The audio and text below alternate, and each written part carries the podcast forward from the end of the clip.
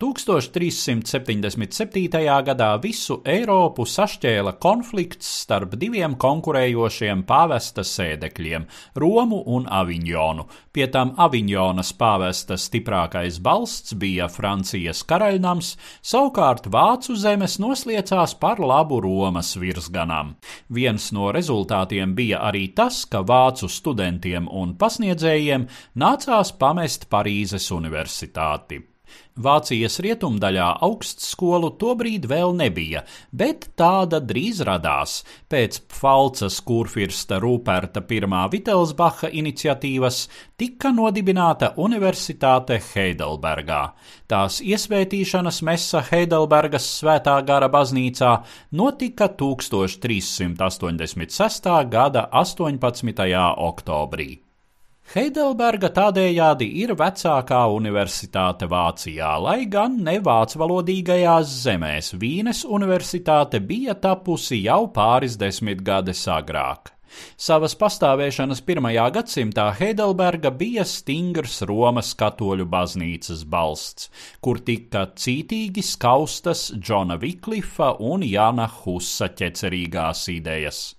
Tomēr arī šeit dīga agrīnās renesanses humānisma asni Rudolfa Agrikolas, Johana Reihlina un vairāku citu izcilu domātāju personā. Pēc tam, kad 1518. gadā Mārtiņš Luters šeit disputā aizstāvēja savu pārliecību un pievērsa tai daudzus mācību spēkus un studentus, Heidelberga kļuva par vienu no galvenajiem reformācijas balstiem Vācijas rietumos un 16. gadsimta beigās izvērtās par Eiropas mēroga akadēmisko centru. Diemžēl nākamais gadsimts nesa smagus satricinājumus gan Pfalcas kurfirstis, Kristei, gan Heidelbergai. 30 gadu kara laikā 1622. gadā pilsētu ieņēma Katoļu līgas armija un šīs okupācijas laikā tika nolaupīta un uz Romu aizvesta pilsētas un universitātes kopīgā bibliotēka. Nākamais trieciens nāca gadsimta beigās, kad Heidelbergu metodiski nopostīja Francijas karaļa Luija 14. armija. 18. gadsimtā tā universitāte izrādījās zemes kungu lielākoties novārtā pamesta un piedzīvoja vēlīnu kontrreformāciju, nonākot vispirms jezuītu, pēc tam franču lazāristu ordeņa pārziņā.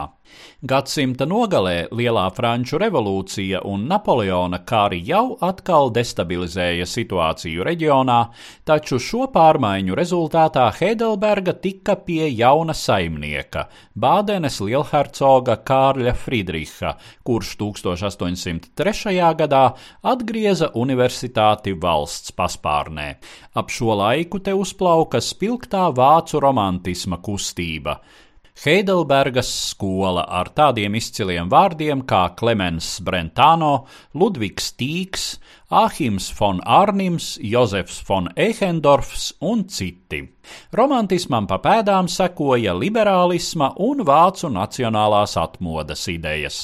Heidelberga atkal kļuva par Eiropas mēroga akadēmisku centru, kur tika likti pamati topošās vācu valsts vēstures un tiesību zinātnei, attīstījās spēcīgas medicīnas, dabas zinātņu un astronomijas nozares.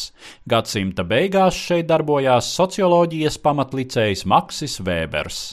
Savu liberālo garu universitāte saglabāja arī Veimāras republikas periodā, būdama iezīmīga demokrātiskās domas citadele. Tiesa netrūka arī studentu un mācību spēku, kuri ar sajūsmu sveica nacistu nākšanu pie varas, sarīkoja nevēlamo grāmatu dedzināšanu un atbalstīja ebreju tautības un kreisi noskaņoto kolēģu padzīšanu. Tomēr pēc nacisma varas murga Heidelberga tika atjaunota uz vecajiem pamatiem, kurus tās jaunās satversmes autori, filozofs Karls Jaspers un ekonomists Alfrēds Vēbers formulēja kā uzticību dzīvajam patiesības, taisnīguma un humānisma garam. Šodien Heidelberga ir nevien viena no vecākajām, bet arī viena no prestižākajām Eiropas augstskolām stāstīja Eduards Liniņš.